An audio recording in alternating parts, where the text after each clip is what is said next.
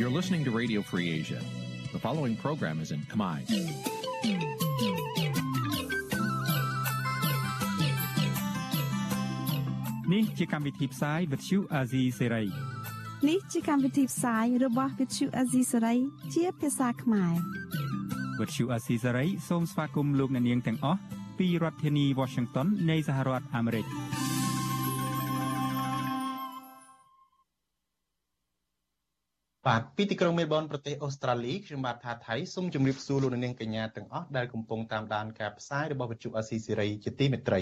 យើងខ្ញុំសូមជូនកម្មវិធីផ្សាយសម្រាប់យប់ថ្ងៃពុធ11រោចខែចែកឆ្នាំខាលចត្វាស័កពុទ្ធសករាជ2565ត្រូវនៅថ្ងៃទី27ខែមេសាគ្រិស្តសករាជ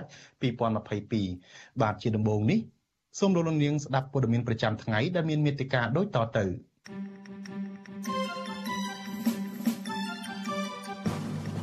មេធាវីលោកកម្មសខារិះគន់ថាសំណួររបស់តុលាការភាកច្រើនជាសំណួរក្រៅអង្គហេតុគ្រូសាសង្ឃឹមថាតុលាការកំពូលនឹងទម្លាក់ចោលការចោទប្រកាន់លើសកម្មជនបកប្រឆាំងលោកគង់សំអានសង្គមស៊ីវិលធ្វើយុទ្ធនាការសម្រាប់ទិវាសេរីភាពសារព័ត៌មានក្រមប្រធានបទសារព័ត៌មានក្នុងសម្ពាធប្រព័ន្ធ Digital រីភាពជាមូលដ្ឋានរបស់ប្រជាពលរដ្ឋរងការគៀបសង្កត់និងរំលោភបំពានក្នុងអំឡុងឆ្នាំ2021រួមនឹងព័ត៌មានសំខាន់សំខាន់មួយចំនួនទៀតបាទជាបន្តទៅទៀតនេះខ្ញុំបាទថាថៃសូមជូនព័ត៌មានពិស្ដា បាទលោកនាងជាទីមេត្រីផ្ដើមព័ត៌មានដោយមន្ត្រីអង្គការសិទ្ធិមនុស្សដែលឃ្លាំមើលសវនាការលោកកឹមសខាសង្កេតឃើញថាសំណួររបស់តុលាការភិកច្រើនជាសំណួរដែលដាក់បន្ទុកលើប្រធានគណៈបកប្រឆាំងលោកកឹមសខានិងមានបំណងទាញលោកកឹមសខាឲ្យពាក់ព័ន្ធនឹងការធ្វើបាតុកម្មប្រឆាំងលទ្ធផលបោះឆ្នោតកាលពីឆ្នាំ2013ស្រដៀងគ្នានេះដែរមេធាវីការពីក្តីលោកកឹមសខាលើកឡើងថា សវនាការនេះមិនមានភាពជឿនលឿនទៅមុខនោះទេព្រោះតុលាការព្យាយាមស៊ូសំណួរមិនពាក់ព័ន្ធនឹងអង្គហេតុនៃការចាប់ប្រកាន់លោកកម្មសខាពីរដ្ឋធានី Washington អ្នកស្រីសុជីវីរាយការណ៍ព័ត៌មាននេះសវនកម្មលើកទី38នៅថ្ងៃទី27ខែមេសាក៏មិនខុសពីសវនកម្មលើកមុនមុនដែរដោយតុលាការបានព្យាយាមសួរលោកកឹមសុខាតេតតនឹងបច្ចេកទេសនៃការបោះឆ្នោតទោះជាលោកកឹមសុខាបានប្រាប់ទៅតុលាការថា លោកមិនចាំទាំងអស់តាក់ទងនឹងបញ្ហាបច្ចេកទេសនោះក្តីប៉ុន្តែតុលាការនៅតែទាមទារឲ្យលោកពន្យល់លម្អិតពីការិយាល័យបោះឆ្នោតដែលមេបកប្រឆាំងរូបនេះបានទៅបោះឆ្នោត កាលពីឆ្នាំ2013រឿងបច្ចេកទេសនៃការបោះឆ្នោត និងលទ្ធផលនៃការបោះឆ្នោតនៅក្នុងឆ្នាំ2013នោះជាដើមប្រធានសមាគមការពារសិទ្ធិមនុស្សអាត6លោកនីសុខាដែលបានចូលឃ្លាំមើលសវនកម្មនេះយល់ថាបើតុលាការនៅតែព្យាយាមសួរលម្អិតពីបច្ចេកទេសនៃការបោះឆ្នោតបែបនេះ នឹងធ្វើឲ្យសវនកម្មកាន់តែអូសបន្លាយពេលយូរថែមទៀតដែលធ្វើឲ្យប៉ះពាល់ទៅដល់សិទ្ធិរបស់លោកកឹមសុខាលោកនេះសុខាលើកឡើងទៀតថាតុលាការចោទប្រកាន់លោកកឹមសុខា ពាក់ព័ន្ធនឹងការខុបខិតជាមួយរដ្ឋបរទេសដើម្បីផ្ដួលរំលំរដ្ឋាភិបាលប៉ុន្តែតុលាការបែរជាចោទសួរលោកកឹមសុខាពាក់ព័ន្ធនឹងបញ្ហាការបោះឆ្នោតបែបនេះហាក់មិនត្រឹមត្រូវនោះទេ ប៉ុន្តែដល់ពេលសំណួរហ្នឹងយើងមកសួរនៅក្នុងដំណើរការដែលចោតប្រកាន់លោកកឹមសុខារឿងដែលបញ្ហាពាក់ព័ន្ធសន្តិភាពជាមួយនឹងបរទេសណាតែទៅវិញវាហាក់បីដូចជាវារៀងចាក់ឆ្ងាយបន្តិចពីពីដំណើរការវាវានៅវាមិនខុសទេប៉ុន្តែគ្រាន់ថាវាវាមានការនៅនៅឆ្ងាយអំពីដំណើរការនៃការគេហៅថាចោតប្រកាន់នឹងបាទលោកនេះសុខាសង្កេតឃើញទៀតថាការដែលតុលាការព្យាយាមលើកឡើងពីភាពមិនប្រក្រតីនៃការបោះឆ្នោតបែបនេះ ប្រសិនបើភាគីលោកកឹមសុខាគ្មានអំណះអំណាងឬមិនមានភ័ស្តុតាងបញ្ជាក់ថាដំណើរការបោះឆ្នោតមិនប្រក្រតីឬមិនយុត្តិធម៌ទេនោះតុលាការអាចនឹងចោទប្រកាន់ថាបាតុកម្មនៅក្នុងឆ្នាំ2013អាចជាប់ពាក់ព័ន្ធនឹងការធ្វើបាតកម្មរបស់គណៈបកសង្គ្រោះជាតិលោកបន្តថាមេធាវីរដ្ឋាភិបាលក៏បានលើកឡើងដែរថាបាតកម្មរបស់គណៈបកសង្គ្រោះជាតិនៅពេលនោះគឺជាការគៀកោធ្វើបដិវត្តពណ៌ទោះយ៉ាងណាលោកថារឿងភាពមិនប្រក្រតីនៃការបោះឆ្នោត គឺគណៈបកកាន់អំណាចនិងគណៈបកប្រឆាំងបានចរចាផ្នែកនយោបាយតាមរយៈបបធរសន្តិនិកាលពីឆ្នាំ2014នោះរួចហើយដូច្នេះតុលាការមិនគួរកកាយយករឿងនេះមកដេញដោលទៀតទេ អានេះសួរនឹងជុំវិញបញ្ហាហ្នឹងហើយបើសិនជាគណៈបកសង្គ្រោះជាតិមិនមានខុសតាងមិនមានបណ្ដឹងមិនមានអីជាហោហាយចឹងទេហើយនឹងមានអ្វីដែលរកឲ្យឃើញថាដំណើរការនឹងមិនមិនមានភាពមិនប្រក្រតីមិនយុត្តិធម៌កន្លែងណាទេនោះគេចង់លើកអំពីថាតើការធ្វើបាតកម្មនឹងដើម្បីអីបាទមិនមែនជាគោលដៅក្នុងរឿងដើម្បីទៀមទាបោះឆ្នោតទេការដេញដោលនៅក្នុងសវនកម្មលើលោកកឹមសុខាលើកនេះមិនបានលើកឡើងពីការកោះហៅតំណាងរដ្ឋបរទេស ដែលពាក់ព័ន្ធសំណុំរឿងនេះមកឆ្លើយបំភ្លឺនៅតុលាការនៅឡើយទេបើទោះបីជាកាលពីសវនកម្មសប្តាហ៍មុនមុនក្រមមេធាវីលោកកឹមសុខាស្នើតុលាការកោះហៅតំណាងរដ្ឋបរទេសមកឆ្លើយបំភ្លឺក្តីសវនកម្មនេះមានការឃ្លាំមើលពីតំណាងស្ថានទូតសហរដ្ឋអាមេរិកតំណាងសហភាពអឺរ៉ុបនិងតំណាងអង្គការសហប្រជាជាតិប្រចាំនៅកម្ពុជា ក្រៅពីនេះក៏មានតំណាងអង្គការសង្គមស៊ីវិលក្នុងស្រុកនិងអ្នកសារព័ត៌មានចូលស្ដាប់ផងដែរ នៅឯក្រៅរបងតុលាការឯនោះវិញអ្នកគាំទ្រលោកកឹមសុខាប្រមាណ30នាក់មកឃ្លាំមើលតុលាការស្ថិតក្រោមការរឹតបន្តឹងសន្តិសុខយ៉ាងតឹងរឹងពីកម្លាំងប្រដាប់អាវុធដែលត្រូវបានដាក់ពង្រាយជុំវិញបរិវេណតុលាការសហមេធាវីការពីក្តីឲ្យលោកកឹមសុខាគឺលោកមេធាវីច័ន្ទចេនឲ្យអ្នកសារព័ត៌មានដឹងពេលដែលចាប់សវនាការថាសវនាការពេញមួយព្រឹកនេះសំណួររបស់តុលាការភាកច្រើន គឺជាសំណួរក្រៅអង្គហេតុលោកបន្តថា បើតុលាការបន្តដឹកនាំសវនកម្មបែបប្រឆាចឆ្ងាយពីបទចោទដូចនេះគឺធ្វើឲ្យរំខានចិត្តនិងដាក់សម្ពាធទៅលើលោកកឹមសុខាបទចោទប្រកាន់គុកដីយើងខ្ញុំគឺបទសន្តិទ្ធភាពជាមួយបរទេសលើកដែលជាសំណួរដែលតាក់ទងសួរកងក្រីយើងខ្ញុំតាំងពីសេអង្គមុនលើកទី37ក៏ដូចជា38នៅពេលនេះយើងឃើញថាភាគច្រើនគឺជាសំណួរតាក់ទងរឿងបច្ចេកទេសនិងទម្រង់នានារបស់គូចបតាក់ទងនឹងសវនកម្មលោកកឹមសុខានៅសប្តាហ៍ក្រោយនេះមិនទាន់កំណត់ថ្ងៃច្បាស់លាស់នៅឡើយទេ ដោយតុលាការប្រកាសថានឹងបន្តធ្វើនៅថ្ងៃពុធទី4ខែឧសភាប៉ុន្តែមេធាវីរដ្ឋាភិបាលដែលជាភិក្ខីដើមបណ្ដឹងស្នើសុំឲ្យលើកសវនកម្មកាត់ក្តីនេះទៅថ្ងៃទី6ខែឧសភាវិញព្រោះពួកគេអះអាងថាពួកគេមានភារៈផ្ទាល់ខ្លួននៅថ្ងៃទី4ខែឧសភាដោយឡែកមេធាវីលោកកឹមសុខាប្រាប់ថាពួកគេក៏មានការរវល់នៅថ្ងៃទី6ខែឧសភាដែរហើយនៅពេលដែលក្រុមមេធាវីនៃភាគីទាំងសងខាងរវល់ដូចគ្នាបែបនេះតុលាការមិនទាន់ឆ្លើយតប នឹងដាក់ថ្ងៃសវនកម្មជាក់លាក់នៅឡើយទេនាងខ្ញុំសុជីវីវិទ្យុអាស៊ីសេរីពីរដ្ឋធានី Washington បាទលោកនាងជាទីមេត្រីពាក់ព័ន្ធនឹងបញ្ហាបោះឆ្នោតវិញក្រសួងមហាផ្ទៃបានណែនាំឲ្យមន្ត្រីរាជការស៊ីវិលកុំប្រើប្រាស់ធនធានរបស់រដ្ឋដើម្បីបម្រើផលប្រយោជន៍នយោបាយនៅអំឡុងពេលឃោសនាបោះឆ្នោតរដ្ឋមន្ត្រីក្រសួងមហាផ្ទៃលោកសខេងបានចេញលិខិតផ្ញើទៅអភិបាលរាជធានីខេត្តនៅថ្ងៃទី22មេសាឲ្យដឹងថាមន្ត្រីរាជការស៊ីវិលទាំងអស់ត្រូវរៀបសារភាពត្រូវរក្សាភាពអព្យាក្រឹតក្នុងដំណើរការបោះឆ្នោតជ្រើសរើសក្រុមប្រឹក្សាគុំសង្កាត់ដែលនឹងប្រព្រឹត្តទៅនៅពេលខាងមុខ ជាងនេះទៅទៀតមន្ត្រីរាជការស៊ីវិលមិនត្រូវយកម៉ោងការងារឬម៉ោងរដ្ឋបាលទៅបម្រើឲ្យគណៈបកនយោបាយណាមួយឡើយនៅអំឡុងពេលនៃយុទ្ធនាការឃោសនាស្វែងរកសម្លេងឆ្នោតនេះហើយពួកគេត្រូវមានភាពអព្យាក្រឹតចំពោះការងាររបស់ខ្លួនលិខិតដដែលបញ្ជាក់ទៀតថាក្នុងរយៈពេលយុទ្ធនាការឃោសនាបោះឆ្នោតមន្ត្រីរាជការស៊ីវិលមិនត្រូវប្រើប្រាស់ថវិកាសម្ភារៈទីកន្លែងនិងមធ្យោបាយដឹកជញ្ជូនដែលជាទ្រព្យសម្បត្តិរបស់រដ្ឋដើម្បីធ្វើសកម្មភាពឃោសនាបោះឆ្នោតឲ្យគណៈបកនយោបាយណាមួយនោះឡើយ។ អគ្គលេខាធិការរងនៃគណៈកម្មាធិការជ្រៀបចំការបោះឆ្នោតលោកសោមសូរីដាប្រាប់ផ្សាយព័ត៌មាន VOD ថាកោជបនឹងចាត់វិធានការប្រឆាំងរាល់ការប្រើប្រាស់ធនធានរបស់រដ្ឋដែលបំរើឲ្យសកម្មភាពគណៈបកនយោបាយណាមួយហើយក៏មិនគិតថាអ្នកទាំងនោះចេញពីប្រភពគណៈបកណាមួយនោះដែរចំណែកអ្នកនាំចំណែកអ្នកសម្របសម្រួលផ្នែកអង្គការនឹងតស៊ូមតិនៃអង្គការ Conference លោកកនសវាងវិញ លោកយល់ឃើញថាអង្គការមិនមែនរដ្ឋាភិបាលពុំដែលទទួលបានព័ត៌មានស្ដីពីការពិន័យទៅលើភ្នាក់ងារគណៈបកនយោបាយដែលអនុវត្តផ្ទុយពីគោលការណ៍កំណត់ដោយគោលជបល់ម្ដងណានោះទេក៏ប៉ុន្តែលោកថាអង្គការសង្គមស៊ីវិលបានទទួលត្រឹមតែព័ត៌មានអំពីមន្ត្រីរាជការស៊ីវិលនៅទីតាំងខ្លះបានប្រើប្រាស់ធនធានរបស់រដ្ឋនិងការងារនិងម៉ោងការងាររបស់រដ្ឋបាលរបស់រដ្ឋលួចទៅជួយឃោសនាឬចោះពង្រឹងបក លោកកនសវាងយល់ឃើញថាដើម្បីធានាថាការបោះឆ្នោតឃុំសង្កាត់មានភាពសេរីត្រឹមត្រូវនិងយុត្តិធម៌លុះត្រាតែគ្រប់ភាគីពាក់ព័ន្ធចូលរួមអនុវត្តច្បាប់និងទាំងបទបញ្ជាព្រមទាំងនីតិវិធីនានាឲ្យបានត្រឹមត្រូវបានលោកនាងជាទីមេត្រីងាកទៅរឿងសវនាការកាត់ក្តីសកម្មជនបកប្រឆាំងវិញក្រុមគ្រូសានិងមេធាវីការពីក្តីសង្ឃឹមថាតុលាការកំពូលនឹងចេញសារដីកាមួយដែលមានយុត្តិធម៌សម្រាប់សកម្មជនគណៈបកសង្គ្រោះជាតិម្នាក់ដែលកំពុងជាប់ឃុំគឺលោកគង់សំអាន ការបង្ហាញក្តីសង្ឃឹមនេះធ្វើឡើងក្នុងពេលដែលតុលាការកំពូលបានបើកសវនាការលើបណ្ដឹងសារទុករបស់លោកគង់សំអាននៅព្រឹកថ្ងៃទី27ខែមេសាហើយគ្រោងនឹងប្រកាសសាលដីកានៅដើមខែក្រោយក្រុមគ្រួសាររបស់សកម្មជនបកប្រឆាំងកំពុងជាប់ឃុំផ្សេងទៀតក៏បានលើកគ្នាទៅតុលាការតុលាការកំពូលដើម្បីលើកទឹកចិត្តដល់លោកគង់សំអានហើយបន្ទាប់មកពួកគាត់ក៏បានទៅដាក់ញត្តិស្វែងរកកិច្ចអន្តរាគមន៍ពីស្ថានទូតប្រទេសអូស្ត្រាលីផងដែរបាទលោកស្រីខែសំណងរាយការណ៍ព័ត៌មាននេះ តុលាការកំពូលសម្រេចលើកពេលសវនាការលើសំណុំរឿងសកម្មជនគណៈបកប្រឆាំងលោកគង់សំអាន ទៅថ្ងៃទី4ខែឧសភាខាងមុខក្រុមគ្រួសារនិងមេធាវីការពារក្តីសង្ឃឹមថាសេចក្តីសម្រេចរបស់តុលាការកំពូលនឹងមានការប្រែប្រួលប្រកបដោយយុត្តិធម៌ខុសពីសេចក្តីសម្រេចរបស់សាឡាឧទ្ធរនិងសាលាដំបងខេត្តត្បូងឃ្មុំនាពេលកន្លងមក មេធាវីការពារក្តីឲ្យលោកកុងសំអាន គឺលោកសំសុគង្គថ្លែងប្រាប់អ្នកសារព័ត៌មានក្រោយចេញពីតុលាការថា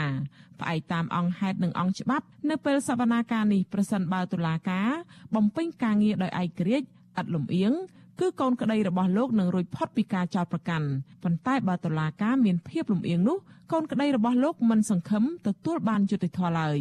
ពល គឺតុលាការនឹងដំកល់សំណុំរឿងនេះទុកជាបានការដដែលដោយសំណុំរឿងនយោបាយផ្សេងផ្សេងទៀតផោះតាងដែលតុលាការសំអាងនោះតែលើវីដេអូឃ្លីបក៏ដូចជាផោះតាងដែលបានផុសនៅក្នុង account Facebook របស់ជនជាប់ចោតហ្នឹងពាក់ព័ន្ធនឹងការចូលរួមហូបអាហារសាមគ្គីក៏ដូចជាជួបជុំនឹងការហូបនំចុកអីផ្សេងៗហ្នឹងតែប៉ុណ្ណោះផោះតាងនេះបើយើងយោងតាមមាត្រា453ដែលបទចោតរួមលើបទមិនជាផោះតាងក្នុងការដាក់បន្ទុកគាត់ដល់គាត់ដល់ដាក់គាត់ ដល់ជាទូដាក់ពុននេះទេហើយយើងឃើញផោះតាងបើយើងមើលទៅវាមានលក្ខណៈបន្ស៊ីជាមួយអង្គហេតុដែលវាតិចទូបំផុតដែលគួរតែតឡាការឲ្យគាត់រួចផុតពីបទចោតហើយណាមួយគាត់ជាអតីតគ្រូរៀនក៏គាត់មិនដែលក្បត់ជាតិគាត់តែតែបំរើជើបអសញ្ញាជាតិអញ្ចឹងណាសវនាការនេះតុលាការបានអនុញ្ញាតឲ្យគ្រួសាររបស់លោកគង់សំអានរួមមានប្រពន្ធនិងកូនកូនរបស់លោកបានចូលស្ដាប់សវនាការកូនស្រីរបស់លោកគង់សំអាន គឺលោកស្រីគង់មួយលីរៀបរាប់ថានៅក្នុងបន្ទប់សវនាការគឺឪពុករបស់លោកស្រី បានឡើងនិយាយអំពីបញ្ហាទុកលំបាកនៅក្នុងពន្ធនាគារ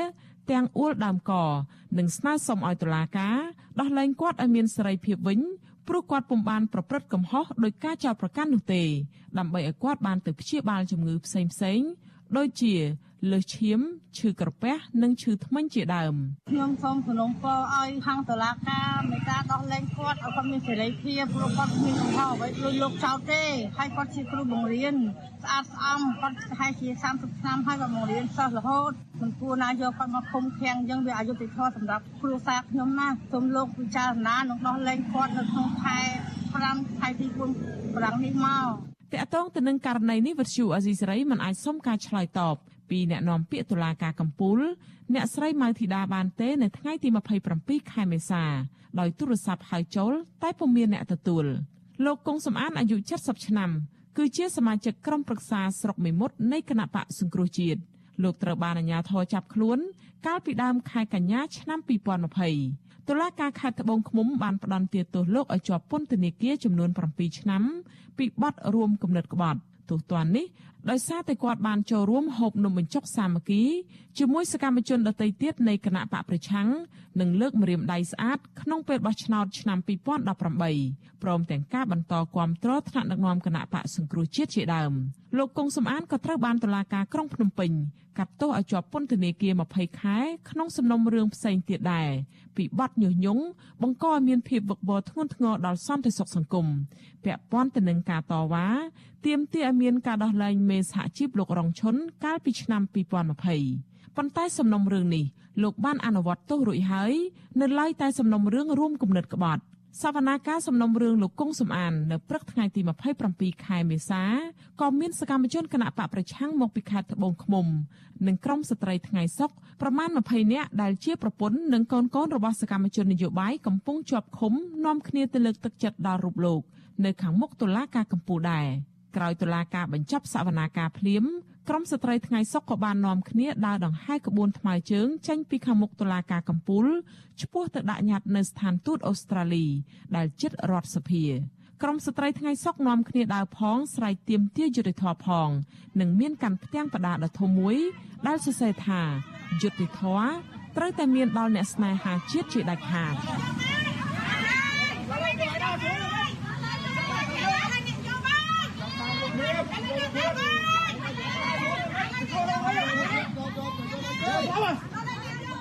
ដោយសពមួយដង ការអនុវត្តសិទ្ធិដើរទៀមទាយុតិធម៌នេះក៏ត្រូវបានក្រមសមត្ថកិច្ចនិងសន្តិសុខក្រុងភ្នំពេញជាច្រើនអ្នកព្យាយាមរារាំងរុញច្រាននិងស្រែកសម្លុតលើស្ត្រីទាំងនោះដែរ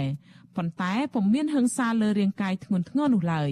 ទោះជាយ៉ាងណាក្រមស្ត្រីថ្ងៃសុកនៅតែជំនះដើរទៅមុខ រហូតបានដាក់ញត្តិជូនស្ថានទូតអូស្ត្រាលីដោយជោគជ័យតំណាងក្រមស្ត្រីថ្ងៃសុកនិងជាប្រពន្ធរបស់សកម្មជនគណៈបកសង្គ្រោះជាតិដែលកំពុងជាប់ឃុំលោកកកុម្ភាគឺលោកស្រីព្រំចន្ទថាថ្លែងថាមន្ត្រីជាន់ខ្ពស់ស្ថានទូតអូស្ត្រាលី បានចេញមកទទួលញត្តិពីពួកគាត់ដោយក្តីស្វាគមន៍លោកស្រីបញ្ជាក់ថាគោលបំណងនៃការដាក់ញត្តិនេះ ក្រមស្ត្រីថ្ងៃសុកអំពាវនាវឲ្យឯកអគ្គរដ្ឋទូតអូស្ត្រាលីជួយអន្តរាគមន៍ឲ្យរដ្ឋាភិបាលកម្ពុជាដោះលែងប្តីនិងឪពុករបស់ពួកគេឲ្យមានសេរីភាពដើម្បីមានឱកាសព្យាបាលជំងឺនិងថែទាំសុខភាពព្រមទាំងចាប់ផ្ដើមជីវភាពនយោបាយឡើងវិញខណៈការបោះឆ្នោតឃុំសង្កាត់កាន់តែខិតជិតមកដល់ លោកស្រីឲ្យដឹងថាមន្ត្រីស្ថានទូតអូស្ត្រាលី បានសន្យាថានឹងបន្តលើកឡើងនូវសំណើរបស់ពួកគាត់ទៅកាន់រដ្ឋាភិបាលកម្ពុជា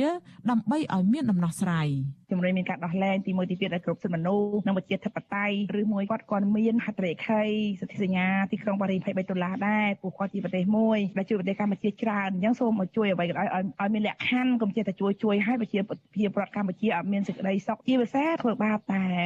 គណៈបកនយោបាយ CNP ដែលបានរំលែកបាត់ទៅហើយហ្នឹងហើយវេទនាខ្លាំងមែនតើជុំវិញរឿងនេះអ្នកនាំពាក្យសមាគមការពារសិទ្ធិមនុស្សអាត់ហុកលោកសឹងសែនករណា មានប្រសាសន៍ថាស្ថិតក្នុងស្ថានភាពនយោបាយនៅអាប់អួរដោយរាល់ថ្ងៃនេះលោកហាក់ដូចជាពិបាកសង្ឃឹមថាសកម្មជននយោបាយបកប្រឆាំង អាចនឹងទទួលបានសេរីភាពឡើងវិញឡើយប៉ុន្តែលោកយល់ថាការបន្តឃុំខ្លួនលើសកម្មជននយោបាយទាំងនេះឲ្យរងទុក្ខវេទនាក្នុងពន្ធនាគារទាំងអយុធធម៌នេះគ្មានផលចំណេញសម្រាប់ជាតិឡើយហើយរដ្ឋាភិបាលនឹងបន្តទទួលរងការរិះគន់និងសម្ពាធពីសហគមន៍អន្តរជាតិថែមទៀត បើបរិយាកាសនយោបាយនៅតែបន្តរបៀបនេះខ្ញុំយល់ថាការផ្ដល់នៅជំនួយផ្សេងផ្សេងពាក់ព័ន្ធទៅនឹងការបោះឆ្នោតជំនួយផ្សេងផ្សេងពាក់ព័ន្ធទៅនឹងការអភិវឌ្ឍនានាឬក៏ពាក់ព័ន្ធទៅនឹងបញ្ហាសេដ្ឋកិច្ចពាណិជ្ជកម្មអីផ្សេងផ្សេងក៏មានបញ្ហាជាមួយនឹងបណ្ដាប្រទេសលោកសេរីដែលគេធ្លាប់ជួយកម្ពុជាយើងកន្លងមកដែរជាក់ស្ដែងកន្លងមកយើងឃើញហើយដោយរឿង EBA ឬ GSP ជាដើមអញ្ចឹងបរិយាកាសនេះខ្ញុំគិតថាបើសិនជាមិនទាន់មានការបើកនៅលំហនឹងទេកម្ពុជាយើងអាចនឹងមានរងនៅសម្ពាធនឹងការរិះគន់ពីសហគមន៍ជាតិអន្តរជាតិបន្តទៀតក្នុងន័យគេចង់ឲ្យឃើញកម្ពុជាឲ្យមានការគោរពសិទ្ធិមនុស្សឲ្យមានការគោរពតាមគោលការណ៍លទ្ធិប្រជាធិបតេយ្យបច្ចុប្បន្នមានសកម្មជនបកប្រឆាំងនិងអ្នកបញ្ចេញមតិរិះគន់រដ្ឋាភិបាលប្រមាណ60នាក់កំពុងជាប់ឃុំនៅក្នុងពន្ធនាគារព្រៃសរក្នុងនោះសកម្មជនមួយចំនួនត្រូវបានតុលាការកាត់ក្តីដាក់ពន្ធនាគារពី5ឆ្នាំទៅ7ឆ្នាំ ករណីសកម្មជនខ្លះទៀតតុលាការកាត់ទោសឲ្យជាប់ពន្ធនាគារ5ឆ្នាំប៉ុន្តែឲ្យអនុវត្តទោស3ឆ្នាំ8ខែហើយទោសដែលនៅសល់ត្រូវព្យួរតុលាការកំពុងបើកសវនាការលើសកម្មជនមួយចំនួនទៀតពីបទញុះញង់រួមគំនិតក្បត់និងញុះញង់មិនឲ្យយុធិនស្ដាប់បង្គាប់ពាក់ព័ន្ធទៅនឹងដំណើរមាតុភូមិនិវត្តរបស់លោកសំរងស៊ីកាលពីចុងឆ្នាំ2019និងយុទ្ធនាការបង្កើតចលនាសង្គ្រោះជាតិនៅក្រៅប្រទេសកាលពីឆ្នាំ2018 ក្រុមអង្គការសង្គមស៊ីវិលជាតិនិងអន្តរជាតិជាច្រើនស្ថាប័នបានចាត់ទុកការឃុំខ្លួនសកម្មជនទាំងនេះថាជាការធ្វើទុកបុកម្នេញផ្នែកនយោបាយនិងស្នើឲ្យតុលាការទម្លាក់ចោលការចោទប្រកាន់និងដោះលែងជនជាប់ឃុំទាំងនោះឲ្យមានសេរីភាពវិញដោយគ្មានលក្ខខណ្ឌចា៎នាងខ្ញុំខែសុណងវັດឈូអាស៊ីសេរីរាយការណ៍ពីរដ្ឋធានី Washington បាទលោកនាងជាទីមេត្រីពាក់ព័ន្ធនឹងដំណើរការបោះឆ្នោតវិញពលរដ្ឋខ្មែរដែលជាម្ចាស់ឆ្នោតមួយចំនួន ហាក់នៅអល់ឯកនៅឡើយក្នុងការសម្រេចចិត្តថាតើពួកគាត់គួរតែទៅបោះឆ្នោតឬក៏មិនទៅបោះឆ្នោតជ្រើសរើសក្រុមប្រឹក្សាឃុំសង្កាត់នៅពេលខាងមុខនេះហេតុផលចម្បងមួយដែលធ្វើឲ្យពួកគាត់នៅមិនទាន់ស្រឡះចិត្តនេះគឺដោយសារតែពួកគាត់ខ្វះការជឿទុកចិត្តទៅលើអាជ្ញាកណ្ដាលគឺគណៈកម្មាធិការរៀបចំការបោះឆ្នោតហៅកាត់ថាកោជបតើពលរដ្ឋយល់ឃើញយ៉ាងណាចំពោះការបោះឆ្នោតឃុំសង្កាត់ទី5នេះហើយហេតុអ្វីបានជាស្ថាប័នរៀបចំការបោះឆ្នោតកោជបនៅតែពុំអាចធ្វើឲ្យពលរដ្ឋជឿទុកចិត្តបាន បាទនៅពេលបន្តិចទៀតនេះលោកមានរិទ្ធនឹងរាយការណ៍ព័ត៌មាននេះជុំវិញដំណើរការបោះឆ្នោតនៅពេលឃុំសង្កាត់សូមអរគុណ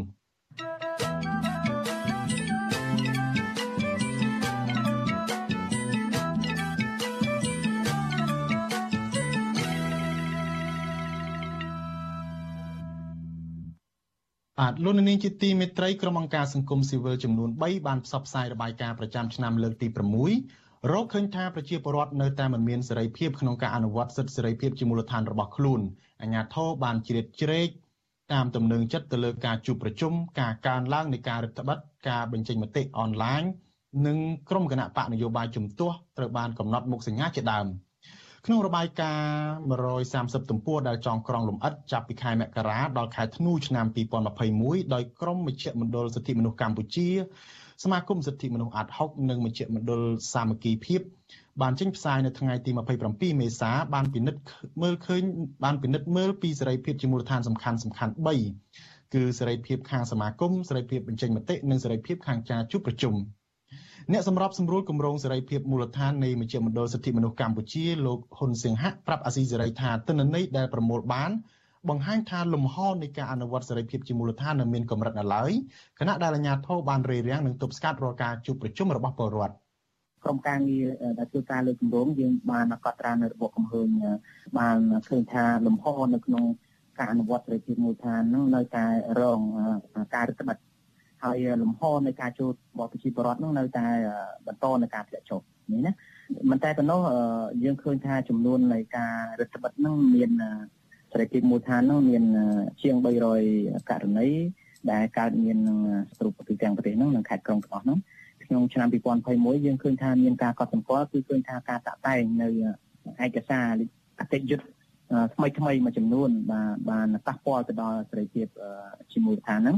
ហើយមួយវិញទៀតយើងឃើញថាសកម្មភាពរបស់គណៈបកជំទាស់ ឬគណៈបកដែលមានទស្សនៈនយោបាយទុយឬក៏សកម្មជននយោបាយហ្នឹងទទួលរងនៅការរដ្ឋបတ်ឬក៏រំលោភបំពានទៅលើដោយសារអាជ្ញាធររដ្ឋឬក៏ភាគីទី3បាទបន្ថែមពីការរដ្ឋបတ်លើសេរីភាពទាំងនោះរដ្ឋាភិបាលក៏បានបង្កើតច្បាប់និងបទបញ្ញត្តិថ្មីៗចំនួន3ក្នុងនោះរួមមានអនុក្រឹត្យស្តីពីការបង្កើត ច្រកទ្វារអ៊ីនធឺណិតជាតិច្បាប់ស្តីពីវិធានការទប់ស្កាត់ការឆ្លងរាលដាលនៃជំងឺ Covid-19 និងសង្ឃប្រកាសដែលហាមឃាត់ប្រសង់មិនឲ្យចូលរួមការតវ៉ានិងបាតកម្មលោកហ៊ុនសៀងហាក់ឲ្យដឹងដែរថារបាយការណ៍នេះបានផ្ញើជូនទៅរដ្ឋាភិបាលនិងស្ថាប័នរដ្ឋពាក់ព័ន្ធដើម្បីអាចប្រើប្រាស់របាយការណ៍ដែលរៀបរាប់ដាក់ដែលរៀបរាប់ជាក់ស្ដែងពីស្ថានភាពដែលកើតឡើងពិតប្រាកដដើម្បីជាប្រយោជន៍ដល់ប្រជាពលរដ្ឋនិងពិនិត្យមើលពីចំណុចមួយចំនួនដែលប៉ះពាល់ដល់សេរីភាពជាមូលដ្ឋានរបស់ពលរដ្ឋ។ របាយការណ៍សង្កត់ធ្ងន់ថាសេរីភាពជាមូលដ្ឋាននិងសេរីភាពបញ្ចេញមតិរបស់ពលរដ្ឋគឺជាមូលដ្ឋានគ្រឹះនៃការអនុវត្តសិទ្ធិសេរីភាពនិងលទ្ធិប្រជាធិបតេយ្យនៅកម្ពុជាសិទ្ធិទាំងនេះនឹងជួយពង្រឹងពង្រីកនៃការចូលរួមរបស់ពលរដ្ឋក្នុងសកម្មភាពសង្គមនានាការបង្ក្រាបរបស់អាជ្ញាធរទៅលើសេរីភាពជាមូលដ្ឋាននេះគឺជាការទប់ស្កាត់និងរារាំងពលរដ្ឋមិនឲ្យចូលរួមជាសាធារណៈ ហើយដែលទង្វើនេះគឺជាការប្រួយបារម្ភយ៉ាងខ្លាំងរបស់អង្គការសង្គមស៊ីវិលខណៈដែលកម្ពុជានឹងរៀបចំការបោះឆ្នោតជ្រើសរើសក្រុមប្រឹក្សាគុំសង្កាត់នៅដើមខែមិថុនានិងការបោះឆ្នោតជាតិនៅឆ្នាំ2023ខាងមុខវិទ្យុអស៊ីសេរីនៅមិនទាន់អាចតាក់ទងបន្ថែមជុំវិញរបាយការណ៍នេះពីអ្នកនាំពាក្យរដ្ឋាភិបាលនិងអ្នកនាំពាក្យស្ថាប័នសិទ្ធិមនុស្សបាននៅឡើយទេនៅថ្ងៃទី27ខែមេសា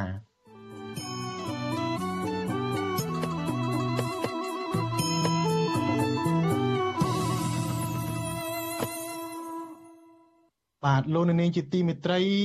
ពាក់ព័ន្ធនឹងសិទ្ធិសេរីភាពនេះដែរគឺក្រុមការងារដើម្បីសេរីភាពសារព័ត៌មានដែលរួមមានអង្គការសមាគមអ្នកសារព័ត៌មាននិងអង្គការសង្គមស៊ីវិលសរុប26ស្ថាប័នរួមគ្នាធ្វើយុទ្ធនាការរយៈពេលមួយសប្តាហ៍ដើម្បីលើកកម្ពស់សេរីភាពសារព័ត៌មាននៅកម្ពុជា។ យុទ្ធនាការនេះចាប់ផ្ដើមពីថ្ងៃទី27ខែមេសាដល់ថ្ងៃទី3ខែឧសភា មានប្រធានបទរួមសារព័ត៌មានក្នុងសម្ពាធប្រព័ន្ធ Digital ក្រុមការងារដើម្បីសេរីភាពសារព័ត៌មានដែលរួមគ្នាធ្វើយុទ្ធនាការនេះបញ្ជាក់ថា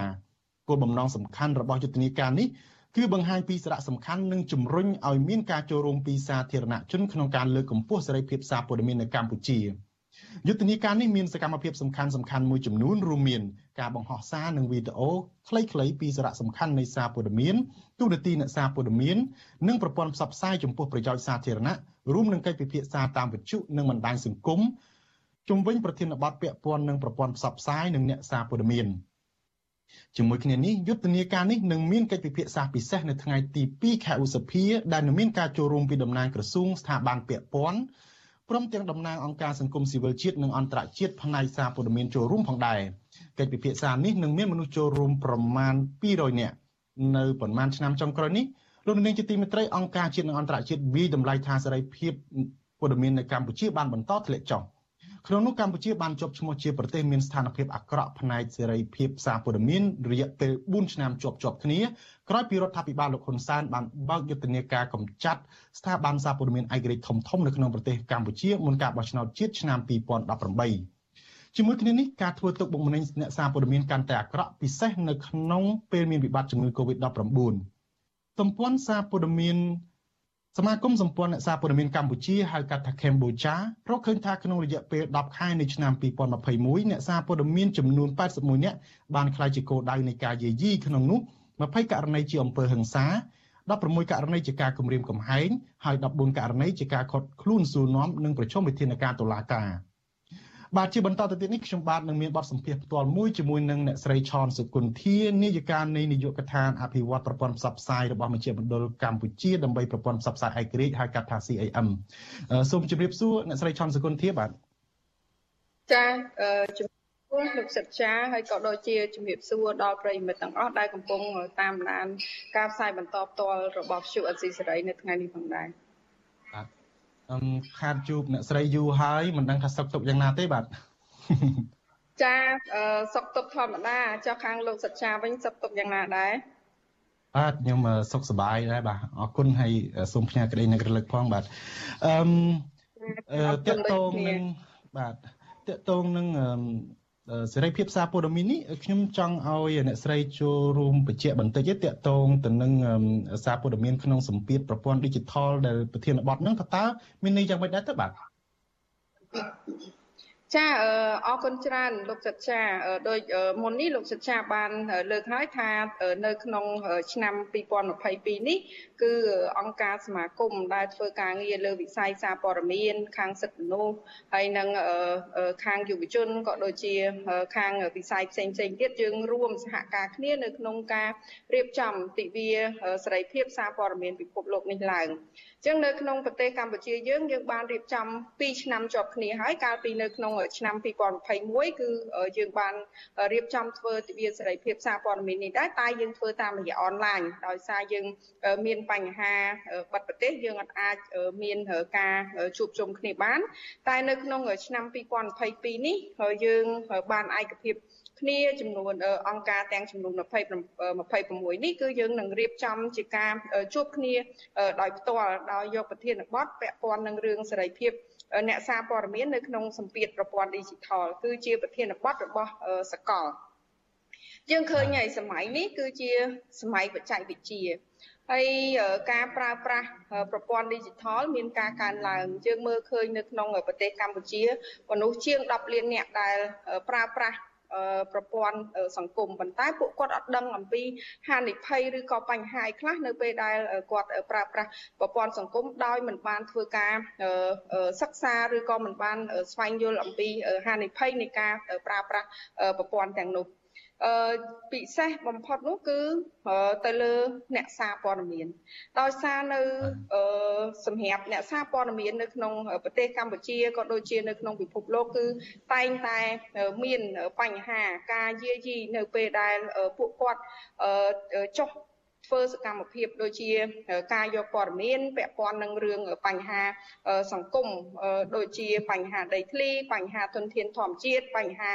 បាតកម្មបញ្ហាកោតកម្មអីជាដើមហ្នឹងគឺគាត់តែងតែមានបញ្ហាការយាយីឬក៏ការបៀតបៀនផ្សេងផ្សេងកើតឡើងដូច្នេះហើយបានជាយើងដែលជាអង្គការសង្គមស៊ីវិលហ្នឹងយើងបានសម្រេចថាយកប្រធានបទ តាមសកលដែលខាង UNESCO គេបានកំណត់ហើយនៅក្នុងឆ្នាំនេះយើងឃើញថាខាង UNESCO ក៏ជួយសហការរៀបចំជាមួយនឹងខាងក្រសួងព័ត៌មានដែរបន្តសម្រាប់រៀបចំទិវាប្រពទិវាសេរីភាពសារព័ត៌មានពិភពលោកនេះប៉ុន្តែធ្វើនៅចំថ្ងៃទី3តែម្ដងចា៎បាទបាទអរគុណអ្នកស្រីបាទ អឺលោកស្រីអាចបញ្ជាក់បន្ថែមបានទេអំពីសកម្មភាពនៃយុទ្ធនាការនេះបាទតើមានសកម្មភាពអីខ្លះដែរបាទអឺសម្រាប់សកម្មភាពនៅក្នុងយុទ្ធនាការនេះដូចខ្ញុំឮសូលោកសច្ចាបានប្រកាសមុននេះគឺចាប់ពីថ្ងៃទី27នេះតទៅយើងមានធ្វើជាអនឡាញ campaign គឺយើងធ្វើជាស្រីហៅខ្ញុំគិតចាលរហូតតាមពិត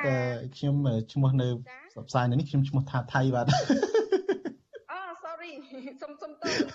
អឺចា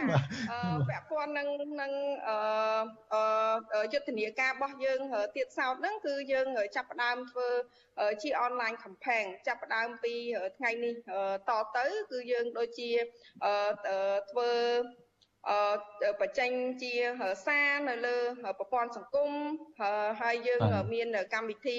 round table គឺមានកម្មវិធីរ៉ាឌីយ៉ូទៅតាមស្ថាប័នទាំង26ហ្នឹងមានស្ថាប័នមួយចំនួនដូចជាខាង CCIM ខាង YDP ហើយនឹងខាងសង្ត្រាល់ខាង Conference ហ្នឹងយើងមានកម្មវិធីវិទ្យុអញ្ចឹងយើងនៅក្នុងស្ថាប័នដែលមានកម្មវិធីវិទ្យុហ្នឹងយើងដាក់កម្មវិធីពាក់ព័ន្ធនឹងរឿងបញ្ហាសេរីភាពសារព័ត៌មានប៉ុន្តែពួកយើងយកប្រធានបទផ្សេងផ្សេងគ្នាថាតើសេរីភាពសារព័ត៌មាននៅក្នុងប្រទេសកម្ពុជាហ្នឹងយើងមានបញ្ហាមានការប្រឈមអីខ្លះជាពិសេសយើងផ្ដោតទៅលើសេរីភាពនៅក្នុងការបញ្ចេញមតិក៏ដូចជាអឺ សេរីភាពជាមូលដ្ឋានរបស់ពលរដ្ឋក៏ដូចជាសេរីភាពនៅក្នុងសារ Freedom of Press វាពាក់ព័ន្ធនឹងរឿងបញ្ហាផ្សេងផ្សេងជាការប្រឈមឬក៏អនុសាសន៍ដើម្បីយើងស្នើសុំទៅរដ្ឋាភិបាលនៅក្នុងកំឡុងពេលនេះផងដែរហើយយើងឃើញហើយនៅក្នុងស្ថានភាពបរិបត្តិប្រទេសកម្ពុជា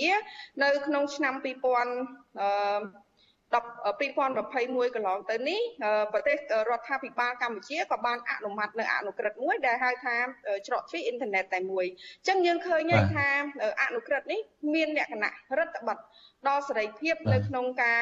បញ្ចេញមតិរបស់អ្នកសារព័ត៌មានក៏ដូចជារបស់ពលរដ្ឋទោះបីយើងឃើញថាការបកស្រាយរបស់ខាងក្រសួងពាក់ព័ន្ធហើយនិងការបកស្រាយរបស់ខាងអង្គការសង្គមស៊ីវិលនឹងតែងតែរួមទាំងការបកស្រាយរបស់ខាងអ្នកជំនាញរបស់អង្គការសហជីវជាតិនឹងក៏តែងតែមានការផ្ទុយគ្នាដែរអញ្ចឹងយើងយើងចង់បង្កើនការយល់ដឹងដល់ពលរដ្ឋឬក៏ដល់សាធារណជននឹងឲ្យគាត់ដឹងថាតើពាក់ព័ន្ធនឹងអនុក្រឹត្យថ្មីថ្មីដែលរាជរដ្ឋាភិបាលកម្ពុជាអនុម័តហ្នឹងគាត់មានការប្រឈមអីខ្លះតើក្នុងនាមជាពលរដ្ឋកម្ពុជាហ្នឹងគាត់ធ្លាប់បានទទួលការវគ្គបណ្ដុះបណ្ដាលឬក៏ផ្សព្វផ្សាយអំពីបញ្ហាអនុក្រឹត្យហ្នឹងទេហើយថ្មីថ្មីថ្មីថ្មីនេះទៀតសោតយើងឃើញថា អនុក្រឹត្យស្ដីពីការគ្រប់គ្រងការប្រើប្រាស់និងការការពារសវត្ថិភាពលើតិន័យអត្តសញ្ញាណផ្ទាល់ខ្លួនរបស់អ្នកប្រើប្រាស់ហ្នឹងក៏ជាការប្រឈមមួយទៀតសម្រាប់អ្នកប្រើប្រាស់បណ្ដាញសង្គមជាពិសេសទៅលើអ្នកសារព័ត៌មាន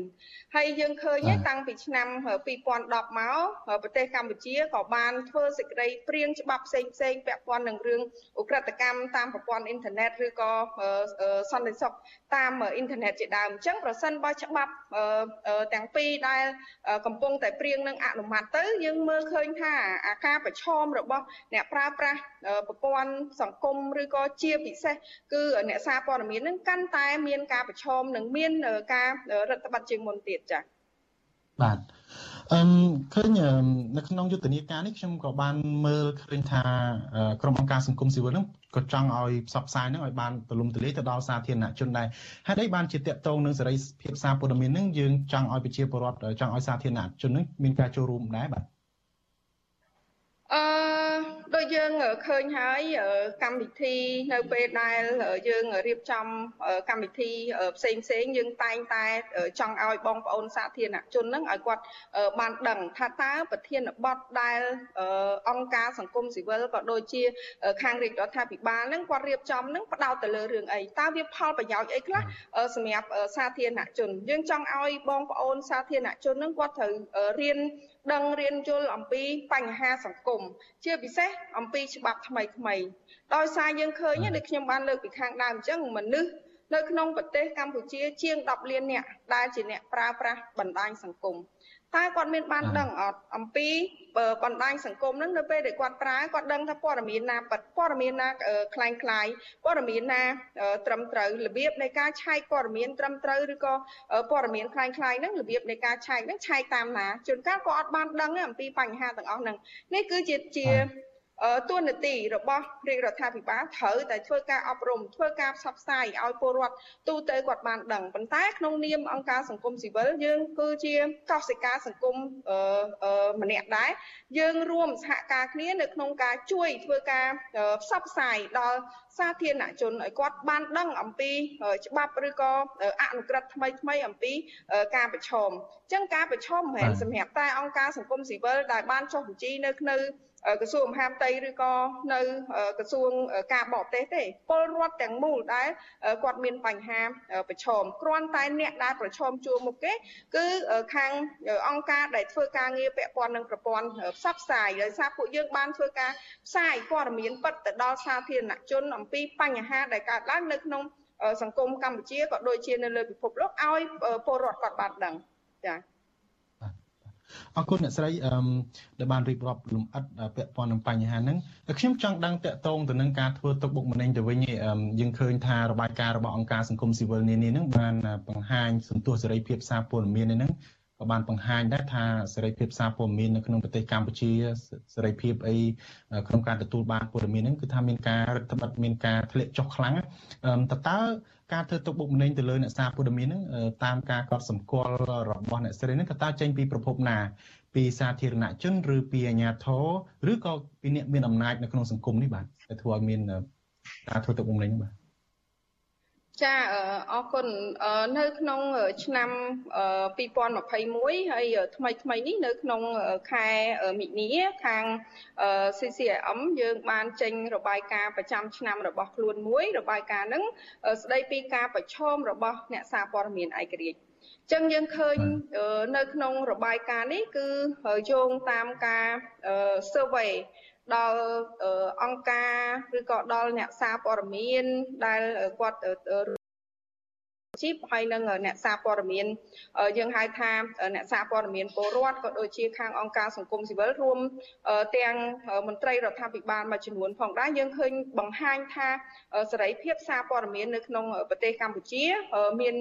ការរឹតបន្តឹងបើប្រៀបធៀបជាមួយនឹងឆ្នាំមុនហើយក៏យើងមើលឃើញដែរដោយអង្គការអន្តរជាតិ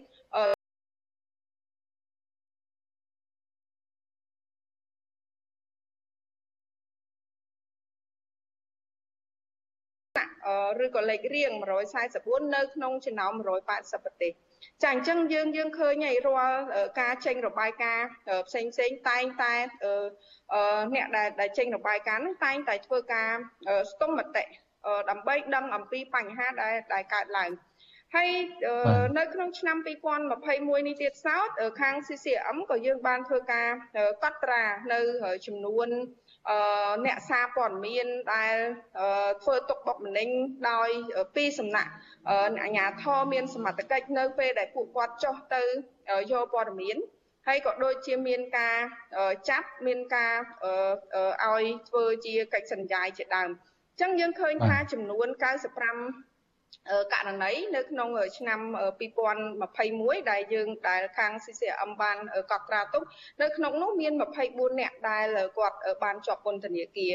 ហើយនៅនៅក្នុងចំណោម95ហ្នឹងយើងមើលឃើញថាមានការដកអាជ្ញាប័ណ្ណពីសំណាក់ក្រសួងព័ត៌មានហ្នឹងមានចំនួន7ស្ថាប័នដែលគាត់ធ្វើការងារទៅលើប្រព័ន្ធអនឡាញផងដែរ ហើយអ្នកដែលធ្វើទុកបុកម្នេញឬក៏ចាប់ដល់អ្នកសារព័ត៌មានហ្នឹងយើងមើលឃើញថាជាអាជ្ញាធរមានសមត្ថកិច្ចយើងលើកឧទាហរណ៍ជាក់ស្ដែងដូចជាថ្មីថ្មីនេះនៅខាង Nagavel មានអ្នកសារព័ត៌មានជាច្រើនដែលគាត់ទៅយកព័ត៌មាននៅក្នុងនោះមានខាង VD ផងដែរក្រុមអ្នកសារព័ត៌មានយើងមានទាំងជនបកមានអ្នកខាងសារព័ត៌មានបរទេសហើយនិងខាងខ្មែរត្រូវបាន អាជ្ញាធរមានសមត្ថកិច្ចឲ្យបញ្ជាឲ្យលុបរូបភាពឬទាំងវីដេអូហើយនិងរូបភាពដែលយើងបានផ្ដិតយកទស្សនវិជ្ជាអំពីការ បាតកម្មនៅមុខក្រុមហ៊ុន Nagavel ជាដើមអញ្ចឹងយើងឃើញថាស្ថានភាពឬក៏ការយាយីនិងការបៀតបៀនហ្នឹងគឺច្រើនតែអាជ្ញាធរមានសមត្ថកិច្ចប៉ុន្តែនៅក្នុងនោះមានអាជ្ញាធរមានសមត្ថកិច្ចមួយចំនួនគឺគាត់ស្លៀកជាសម្លៀកបំពាក់ស៊ីវិលដោយយើងអត់បានពិបាកនៅក្នុងការដឹងអំពីអត្តសញ្ញាណគាត់ព្យាយាមធ្វើទឹកបុកម្នេញបាទព្យាយាមធ្វើទឹកបុកម្នេញព្យាយាមអឺ រំខានដល់ការងារអ្នកកសែតដែលចោះទៅយកព័ត៌មានផ្ទាល់នោះទំនងជាអាជ្ញាធរគាត់មិនចង់ឲ្យផ្សាយរឿងនឹងពីសកម្មភាពបង្ក្រាបពីស្ថានភាពរំលោភអីពលរដ្ឋពីកន្លែងនឹងធ្វើឲ្យប៉ះពាល់មុខមាត់របស់ពួកគាត់អីជាងកាលគាត់អាចធ្វើអញ្ចឹងអឺអ្នកស្រីតើតើតកតោនឹងយុទ្ធនាការនេះដោយអ្នកស្រីរៀបរាប់មិញមានការធ្វើទុកបុកម្នេញមានការធ្លាក់ចុះអីខ្លាំងទៅលើសេរីភាពសារព័ត៌មាននេះហ្នឹងតើតើយុទ្ធនាការនេះអ្នកស្រីរំពឹងថាវានឹងមានការផ្លាស់ប្ដូរអ្វីខ្លះទេបាទ ចាដូចទី1នៅក្នុងវត្ថុបំណងនៅក្នុងយុទ្ធនាការរបស់យើងនេះយើងចង់បង្កើនការយល់ដឹងដល់សាធារណជនអញ្ចឹងយើងសង្ឃឹមថាសាធារណជនគាត់នឹងមានការយល់ដឹងបានច្រើនជាងមុនពាក់ព័ន្ធនឹងរឿងការប្រឈមរបស់អ្នកសារព័ត៌មានក៏ដូចជាសេរីភាពមូលដ្ឋានតាមរយៈការរាជរដ្ឋាភិបាលកម្ពុជាគាត់បានអនុម័តនៅអនុក្រឹត្យ ពាក់ព័ន្ធនឹងរឿងច្រកទ្វារអ៊ីនធឺណិតជាតិហើយនឹងពាក់ព័ន្ធនឹងរឿងអនុក្រឹត្យនៃការគ្រប់គ្រងការប្រើប្រាស់តនន័យឬក៏អត្តសញ្ញាណផ្ទាល់ខ្លួនហើយនឹងពាក់ព័ន្ធនឹងរឿងច្បាប់ផ្សេងផ្សេង ហើយក៏យើងរំពឹងទុកផងដែរថារាជរដ្ឋាភិបាលកម្ពុជា ជាពិសេសខាងក្រសួងព័ត៌មានក៏ដូចជាខាងក្រសួងមហាផ្ទៃគាត់នឹងមានការពិភាក្សាមួយពាក់ព័ន្ធនឹងរឿងការជួយសម្រួលដល់អ្នកសារព័ត៌មានឲ្យគាត់បានចុះទៅយកព័ត៌មានដោយសេរី កុំមានការធ្វើទុកបុកម្នេញហើយជាពិសេសទៅដល់អ្នកសារព័ត៌មានដែលគាត់ធ្វើការ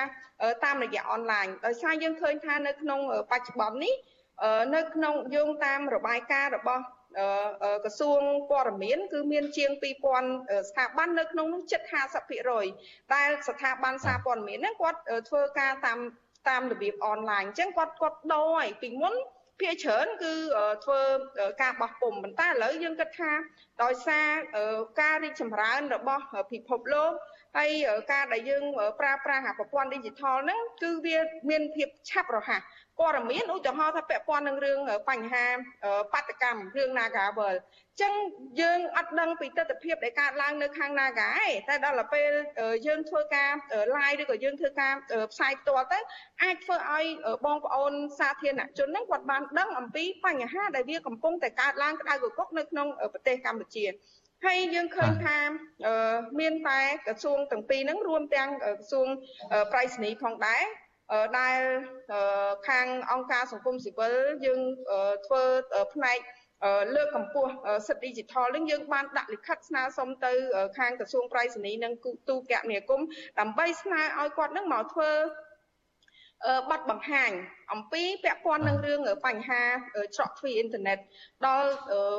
អង្គការសង្គមស៊ីវិលដោយសារយើងមើលឃើញថាមានការយល់ខុសគ្នារវាងខាងអង្គការសង្គមស៊ីវិលហើយនិងខាង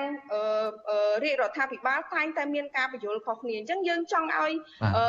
ខាងក្រសួងទាំង3ហ្នឹងគាត់ត្រូវតែមានការការពារហើយនឹងឆ្លើយតបទៅនឹងតម្រូវការរបស់អង្គការសង្គមស៊ីវិលក៏ដូចជារបស់ពលរដ្ឋដែលកំពុងធ្វើការងារពាក់ព័ន្ធនឹងរឿងវិស័យ digital ក៏ដូចជាបញ្ហាខាងសារព័ត៌មានបាទអរគុណអ្នកស្រីដែលបានចំណាយពេលវេលាចូលរួមផ្ដល់បទសម្ភាសន៍ខ្លីជាមួយនឹងអាស៊ីសេរីនៅរាត្រីនេះបាទសូមអរគុណសូមជម្រាបលាបាទចាចាអរគុណបាទលោកនាងជាទីមេត្រីអឺ ពាក់ព័ន្ធនឹងបញ្ហាគ្រឿងញៀនវិញគឺអាជ្ញាធរប្រឆាំងបទល្មើសគ្រឿងញៀនបានសហការជាមួយនឹងប៉ូលីសអន្តរជាតិអង្គាប៉ូលដើម្បីតាមចាប់ខ្លួនក្រុមមេខ្លោងអ ுக ្រិតជនគ្រឿងញៀនជនជាតិចិនចំនួន6នាក់ដែលបានលួចបើករោងចក្រសិប្បកម្មផលិតគ្រឿងញៀនក្នុងខេត្តកំពង់ស្ពឺកាលពីពេលថ្មីៗនេះមន្ត្រីសង្គមស៊ីវិលយល់ថាអាជ្ញាធរគួរតែមានការស៊ើបអង្កេតដោយតម្លាភាពលើមន្ត្រីពាក់ព័ន្ធដោយផ្ទាល់ឬដោយប្រយោល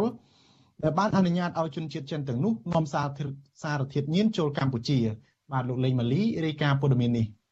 មន្ត្រីប៉ូលីសជាន់ខ្ពស់នៃអង្គភាពប្រឆាំងបទល្មើសគ្រឿងញៀនឲ្យដឹងថាមេខ្លោងក្រុមអក្រិតជនចិនទាំង6នាក់នោះបានចាក់ចេញពីកម្ពុជាក្រោយពីពួកគេបានដឹងថាអាញាធរបានបង្ក្រាបរោងសិប្បកម្មផលិតគ្រឿងញៀនរបស់ពួកគេក្នុងខេត្តកំពង់ស្ពឺកាលពីដើមខែធ្នូឆ្នាំ2021 អគ្គស្នងការនគរបាលជាតិទទួលបន្ទុកបង្ក្រាបបទល្មើសគ្រឿងញៀនលោកម៉ាក់ជីតូប្រាប់វិទ្យុអស៊ីសេរីកាលពីថ្ងៃទី26មេសាថាអាញាធរបានសហការជាមួយប៉ូលីសអន្តរជាតិនិងស្នើដល់បណ្ដាប្រទេសជុំវិញពិភពលោកជាង100ប្រទេសដើម្បីស្រាវជ្រាវរោគមុខក្រុមអក្រិតជនទាំងនោះយកមកដាក់ទោសតាមច្បាប់កម្ពុជា។ នៅខ្លងវាមានគ្នាវាតែដែលយើងចាប់បញ្ជូនទៅតែ3នាក់ទេណាក្រៅពីហ្នឹងគឺសិនអ្នកបច្ចេកទេសយើងកំពុងតាមចាប់ឥឡូវនេះតាមយ៉ាងហ្នឹងមកពីទៅទៅក្រៅប្រទេសព្រោះសិស្សជនជាតិចិនទៅចិនចិនតៃវ៉ាន់កំពុងតាម6នាក់បាទបើមកបញ្ជូនទៅអង្គតពលអង្គតពលជាមានវិទ្យាករដើម្បីតាមចាប់ចអន្តរជាតិដែរក្រុមហ៊ុនសុំណាគឺសុំយកមកនាំចូលដើម្បីផលិតធ្វើជាជីអានទីសមាប្រើប្រាស់ក្នុងឧស្សាហកម្មប៉ុន្តែដល់មកវាលួចបន្លំទៅជាការច្នៃផលិតគ្រឿងញៀនទៅមិនមែនសារធាតុញៀននាំចូលទេបាទកាលពីថ្ងៃទី12ខែធ្នូឆ្នាំ2021សមត្ថកិច្ចបង្ក្រាបកន្លែងកែច្នៃគ្រឿងញៀនទ្រង់ទ្រាយធំក្រោមស្លាករោងចក្រផលិតដំណាប់ស្វាយស្ថិតក្នុងស្រុកអូរ៉ាល់ខេត្តកំពង់ស្ពឺដោយរឹបអូសបានគ្រឿងញៀនជាង1តោននិងសារធាតុញៀនជាង80តោនក្នុងហេតុការណ៍បង្ក្រាបនោះមានជនជាតិចិនម្នាក់ជាមេខ្លោងឈ្មោះលីសុងហានបានស្លាប់ដោយសារតែបាញ់តដៃជាមួយសមត្ថកិច្ចស្របពេលដែលពួកគេកំពុងដឹកជញ្ជូនគ្រឿងញៀនចំនួន3រថយន្ត មកដល់ផ្លូវជាតិលេខ4ឆ្ពោះទៅកាន់ខេត្តប្រស័យហនុលោកម៉ាជីតូទទួលស្គាល់ថាមន្ត្រីនៅច្រកព្រំដែនធ្វេសប្រហែលច្រើនដោយមិនមានការត្រួតពិនិត្យសារធាតុគីមីកែច្នៃផ្សំទៅជាគ្រឿងញៀនឲ្យបានច្បាស់លាស់មុនអនុញ្ញាតឲ្យក្រុមអក្រិតជននាំចូលក្នុងស្រុកលោកអះអាងថាករណីជនជាតិចិនបង្កើតរោងចក្រផលិតគ្រឿងញៀននៅកម្ពុជានេះមិនមានជាប់ពាក់ព័ន្ធជាមួយនឹងមន្ត្រីអាជ្ញាធររដ្ឋាភិបាលណាម្នាក់ដែលឈរកាងនៅពីក្រោយរឿងនេះឡើយ លោកមកជីតូឲ្យដឹងទៀតថារយៈពេល4ខែក្នុងឆ្នាំ2022នេះសមត្ថកិច្ចរឹបអូសបានសារធាតុញៀនជាង3តោនកាលពីឆ្នាំ2021កន្លងទៅ សមត្ថកិច្ចបង្ក្រាបបទល្មើសគ្រឿងញៀនសរុបជាង6000ករណីនិងបានរឹបអូសបានសារធាតុញៀនសរុបជាង4តោនព្រមទាំងឃាត់ខ្លួនជនសង្ស័យសរុបជិត14000នាក់អាជ្ញាធរបញ្ជាក់ថាគ្រឿងញៀននាំចូលភ ieck ច្រើនចេញពីតំបន់ត្រីកោណមាស ដោយពួកអក្រិតជនលួចដឹកជញ្ជូនតាមច្រកព្រំដែនឆ្លងប្រទេសឡាវនិងវៀតណាមចូលកម្ពុជា ដើម្បីបន្តចែកចាយក្នុងស្រុកនិងរៀបចំបញ្ជូនចេញទៅកាន់ប្រទេសទី3ទាក់ទងនឹងបញ្ហានេះរដ្ឋមន្ត្រីក្រសួងមហាផ្ទៃលោកសខេងអំពាវនាវដល់ពលរដ្ឋតាមមូលដ្ឋានឲ្យផ្ដល់ព័ត៌មានទៅសមាជិកដើម្បីទប់ស្កាត់លំហូរគ្រឿងញៀនការពារសុខភាពសាធារណៈលោកក៏ធ្លាប់ព្រមានដល់មន្ត្រីនៅតាមច្រកព្រំដែនថាត្រូវតែប្រកាន់ខ្ជាប់ទូនីតិវិជ្ជាជីវៈជាសមាជិក ដោយមិនត្រូវខុបខិតទទួលសំណូកពីក្រុមអ ுக ្រិតជនឡើយ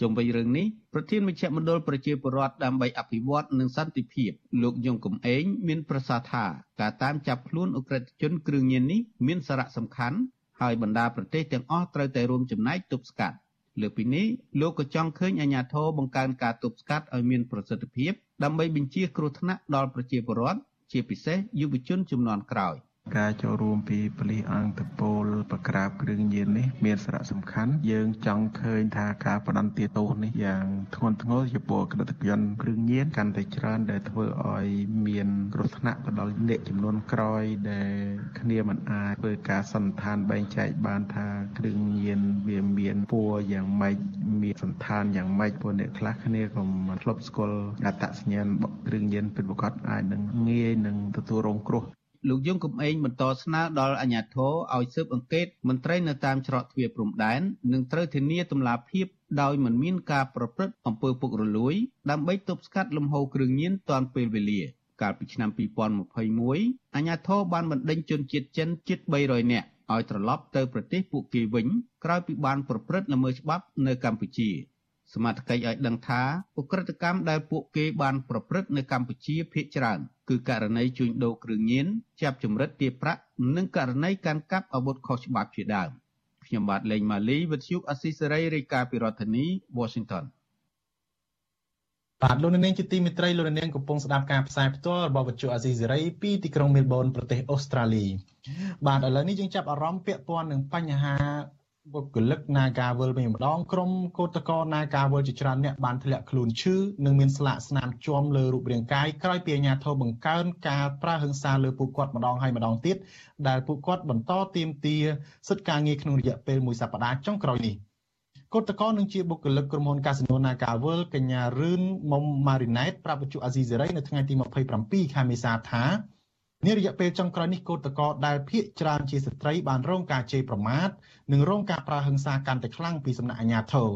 កញ្ញាអះអាងថាខ្លួនកញ្ញាផ្ទាល់បានរងនឹងការបៀតបៀនគេខ្មាស់ហើយត្រូវអាជ្ញាធរស្លីកពាក់ស៊ីវិលនិងអាជ្ញាធរពាក់ឯកសន្តានបានវាយធ្វើបាបដែលគ្រាន់តែកញ្ញាប្រើសិទ្ធិជាមូលដ្ឋានទាមទារឲ្យតកែបនលបៃណាការវលគ្រប់ច្បាប់កម្ពុជា។ តែត្រួតត្រងខ្លាំងគឺអ្នកដែលត្រូវអំពើហិង្សាខ្លាំងមកលើអាញាធរជាក់ស្ដែងដូចញោមហើយនឹងកោតកោស្រីប្រហែលអ្នកទៀតដែលគាត់ត្រូវស្ដាំឆ្អឹងជំនីតែបើសិនជាពួកគាត់មុំមុំទេគឺគាត់គ្រាន់តែផ្ដាសាយឬមួយក៏គាត់ឈឺក្បាលឈឺអីបន្តិចបន្តួចទេអត់ជាបញ្ហាធំដុំទេបងឥឡូវហ្នឹងមិនថាក្រុមកោតកោទេគឺប្រជាពលរដ្ឋទូទៅតែម្ដងគឺគេចាប់ផ្ដើមមានអារម្មណ៍ថាអស់ទំនុកចិត្តខាងអាញាធរព្រោះថាខាងអាញាធរជាក់ស្ដែងគាត់ត្រូវអំពើហិង្សាតែគាត់មិនជុំទេគឺងងគាត់ឲ្យជនស៊ីវិលឡើងមកវាយពួកខ្ញុំដល់លើឡានមកជេរប្រមាថមកចាំឆក់ទូរស័ព្ទមើលតែចោលហើយហ្នឹងអញ្ចឹងគាត់ជាអាញាធរទៀតឯកសន្តានបានជាអាជ្ញាធរស៊ីប្រាក់ខែនេះតែគាត់អត់បានបម្រើទេទេគាត់បែរជាប្រើអំពើហិង្សាមកលើរាជអញ្ចឹងខ្ញុំអស់ទំនុកចិត្តលើអាជ្ញាធរនៅក្នុងស្រុកហើយបងបើពួកខ្ញុំទៅពឹងពាក់ទៅលើខាងអាជ្ញាធរនិងក្រសួងពាក់ព័ន្ធនានាគឺពួកគាត់អត់មានសមត្ថភាពក្នុងការដោះស្រាយរឿងហ្នឹងទេបងអត់មានសមត្ថភាពទេហេតុអីបានពួកគាត់អត់មានសមត្ថភាពដោយសារតែរយៈពេលធ្វើហ្នឹងគឺ4ខែជាងហើយប៉ុន្តែហាក់ដូចជាអត់មានដំណឹងលេចលឺចេញពីខាងអាជ្ញាធរឬខាងក្រសួងពាក់ព័ន្ធណានានាដែលចេញមកដោះស្រាយបានសោះបែរជាទៅឈរខាងថកែណាកាវលទៅវិញអញ្ចឹងសម្រាប់រាជសាមញ្ញធម្មតាគឺគាត់គឺអត់មានដំណោះស្រាយសម្រាប់គាត់ទេអញ្ចឹងប៉ុន្តែពួកខ្ញុំនៅតែបន្តការចេញធ្វើកោតកម្មនឹងរហូតតតែថៅកែណាក៏មកចេញមកដោះស្រាយបញ្ចប់របៀបមួយហ្នឹងបាទកញ្ញារឿនមុំម៉ារីណេតឲ្យដឹងដែរថាមេធាវីរបស់កញ្ញាបានរៀបចំឯកសារមួយចំនួនដើម្បីដាក់ពាក្យប្តឹងទៅអាជ្ញាធរដែលអនុវត្តទូនាទីគ្មានវិជាជីវៈទៅកាន់តុលាការរួចរាល់ហើយ កញ្ញារំពឹងថាតុលាការនឹងរកយុត្តិធម៌សម្រាប់កញ្ញានិងកូតកោដតីទៀតដែលកំពុងទទួលរងនូវភាពអយុត្តិធម៌និងការបៀតបៀនលើរូបរាងកាយពីសំណាក់ក្រុមអាជ្ញាធរនាពេលកន្លងមក។ទោះជាយ៉ាងណាក្រុមកុតកោថាពួកគាត់នឹងនៅតែបន្តចេញធ្វើកុតកម្មដោយសន្តិវិធីដើម្បីទាមទារឲ្យថៅកែគោរពសិទ្ធិសហជីពនិងយល់ព្រមទទួលយកកម្មករជាង300នាក់ឲ្យចូលបម្រើការងារវិញ។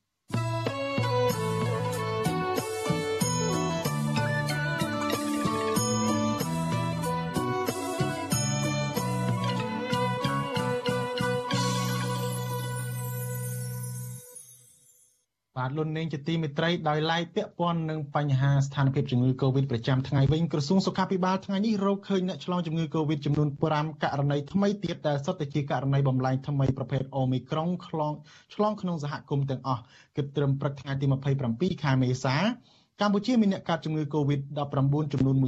136,000នាក់ក្នុងនោះអ្នកជាសះស្បើយមានជិត133,000នាក់និងអ្នកស្លាប់មានចំនួន3,056នាក់ ចំពោះការចាក់វ៉ាក់សាំងបង្ការជំងឺ Covid-19 វិញក្រសួងសុខាភិបាលប្រកាសថាគិតត្រឹមថ្ងៃថ្ងៃទី26មេសាម្សិលមិញរដ្ឋាភិបាលចាក់ជូនប្រជាពលរដ្ឋដែលមានអាយុចាប់ពី3ឆ្នាំឡើងទៅបានជាង14លាន9សែនសម្រាប់ដូសទី1រីឯដូសទី2ចាក់បាន14លាន1សែន6ម៉ឺននាក់ហើយដូសទី3និងដូសទី4រដ្ឋាភិបាលបានចាក់ជូនពលរដ្ឋបានជាង9លាន8សែននាក់ ជាមួយគ្នានេះលោកនាយករដ្ឋមន្ត្រីហ៊ុនសែននៅតែបន្តអំពាវនាវដល់ប្រជាពលរដ្ឋឲ្យអនុវត្តវិធានការសុខាភិបាលឲ្យបានខ្ជាប់ខ្ជួនជាពិសេសលាងដៃជាមួយនឹងទឹកអាល់កុលនិងរក្សាគម្លាតសុវត្ថិភាពសង្គមលោកហ៊ុនសែនប្រកាសនៅក្នុងពិធីបិទសន្និបាតបូកសរុបការងារអប់រំយុវជននិងកីឡាឆ្នាំសិក្សា2020 2021នឹងលើកទិសដៅការងារឆ្នាំសិក្សា2021និង2022នៅរាជធានីភ្នំពេញនៅរសៀលថ្ងៃទី27មេសា ថាការដែលតម្រូវឲ្យពលរដ្ឋអនុវត្តបែបនេះព្រោះជំងឺ Covid-19 នៅតែឆ្លងរាតត្បាតលើពិភពលោកមិនទាន់ធូរស្រាលធូរស្រាលនៅឡើយទេ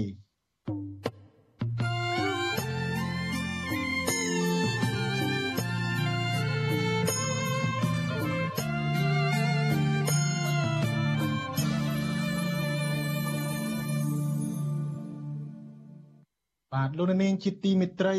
ពាក់ព័ន្ធនឹងបញ្ហាបោះឆ្នោត ពលរដ្ឋខ្មែរដែលជាម្ចាស់ឆ្នោតមួយចំនួនមួយចំនួនហាក់នៅតែអល់ឯកនៅឡើយក្នុងការសម្រេចចិត្តថាតើពួកគាត់គូទៅទៅបោះឆ្នោតឬមិនទៅបោះឆ្នោតជ្រើសរើសក្រុមប្រឹក្សាគុំសង្កាត់នៅពេលខាងមុខនេះហេតុផលចម្បងមួយដែលធ្វើឲ្យពួកគាត់នៅមិនទាន់ស្រឡះចិត្តនេះគឺដោយសារតែពួកគាត់ខ្វះការជឿទុកចិត្តទៅលើអាជ្ញាកណ្ដាលគឺស្ថាប័នរៀបចំការបោះឆ្នោតហៅកាត់ថាកោជបតើពលរដ្ឋយល់ឃើញយ៉ាងណាចំពោះការបោះឆ្នោតឃុំសង្កាត់អាណត្តិទី5នេះ ហើយហេតុអ្វីបានជាស្ថាប័នរៀបចំការបោះឆ្នោតកជបនៅតែមិនអាចធ្វើឲ្យពួកគាត់ជឿទុកចិត្តបានបាទជាបន្តទៅទៀតនេះលោកមានរដ្ឋរាជការផ្ទាល់ជំវិញដំណើរការបោះឆ្នោតសូមជម្រាបសួរលោកមានរដ្ឋបាទបាទជំរាបសួរលោកថាថៃនិងជំរាបសួរប្រិមត្ត Visual C ស្រីបាទ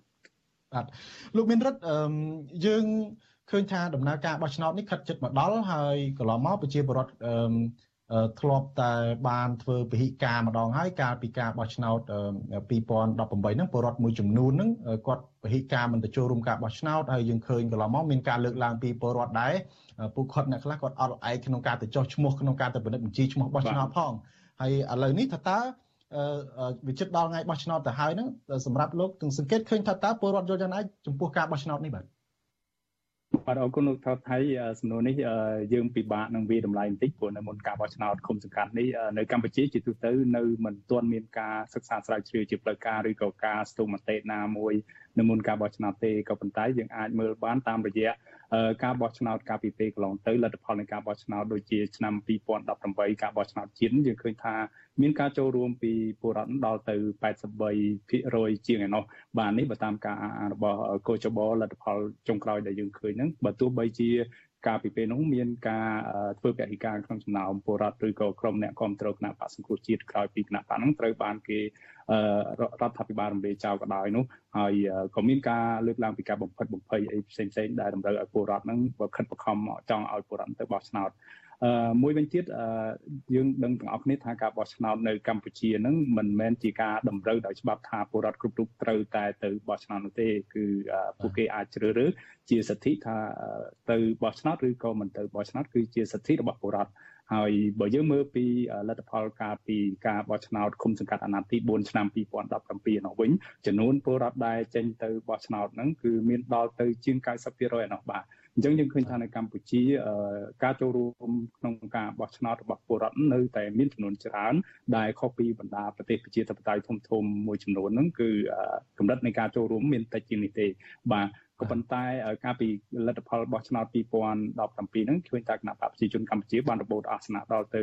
ជាង5000អាសនៈទៅគណៈបកសង្គ្រោះជាតិហើយក្រោយមកទៀតមានការចែកចាយអីជាដើមនោះបាទខ្ញុំក៏បានលើកសំណួរនេះទៅអ្នកនាំពាក្យស្ថាប័នកោជបគឺលោកហងពុធាដែរចង់ដឹងថាតើកោជបវារំលាយយ៉ាងណាចំពោះការចូលរួមរបស់ពលរដ្ឋនៅក្នុងការបោះឆ្នោតអាណត្តិនេះលោកមានប្រសាសន៍ថាការបោះឆ្នោតនេះគឺឃើញពលរដ្ឋនៅតែ មានទឹកចិត្តចង់ចូលរួមហើយពលរដ្ឋច្រើនរើសលើសលប់នឹងនៅតែតាមដានការបោះឆ្នោតព័ត៌មានតាក់ទងការបោះឆ្នោតហើយនឹងចូលរួមជាមួយគណៈបកនយោបាយទន្ទឹមនឹងក្រុមអ្នកវិភាគវិញឬក៏អ្នកក្រុមមើលស្ថានភាពនយោបាយនៅកម្ពុជាមើលឃើញថាការបោះឆ្នោតខាងមុខនេះនឹងគឺឆន្ទៈរបស់ពលរដ្ឋនៅតែចង់បានការផ្លាស់ប្ដូរចង់បានការកែប្រែដោយតាមរយៈការបោះឆ្នោតដែលមានការប្រកួតប្រជែងត្រឹមត្រូវអីជាដើមហ្នឹងហើយគេរក្សាឆន្ទៈរបស់គេនៅក្នុងខួរក្បាលជាជាងនិយាយឬក៏សម្ដែងគេឯង ដឹងស្របពេលដែលកម្ពុជាហ្នឹងសិទ្ធិពលរដ្ឋនិងសិទ្ធិនយោបាយហ្នឹងមានការធ្លាក់ចុះរដ្ឋបិទអីខ្លាំងអញ្ចឹងមានការភ័យខ្លាចក្នុងចំណោមពលរដ្ឋទន្ទឹមហ្នឹងគេក៏វាតម្លៃថាពលរដ្ឋនៅតែរងចាំចូលរួមទេឲ្យតែមានឱកាសបាទហើយជាក់ស្ដែងដូចជាគណៈបកភ្លើងទៀនយើងឃើញថាក្រោយពីគណៈបកនេះបានសកម្មក្នុងរយៈពេល3ខែចុងក្រោយគណៈបកនេះអាចដាក់ចំនួនបេក្ខជនចូលរួមចូលឈ្មោះបោះឆ្នោតដល់ទៅស្ទើរតែគ្រប់ខេត្តក្រុងឯនោះលោកថាថៃបាទបាទ អឺលោកមានរិទ្ធតើហេតុអីបានជា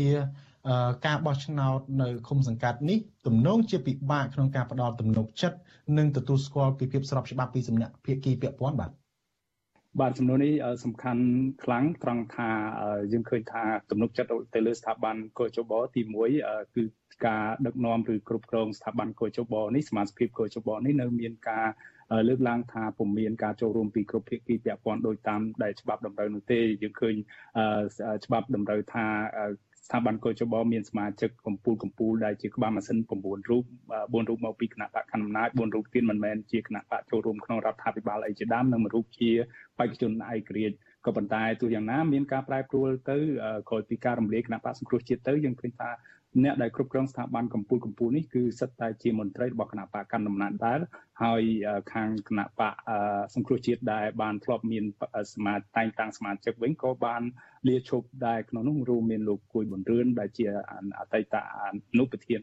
ស្ថាប័នកោជបលោករងឈុនអីជាដើម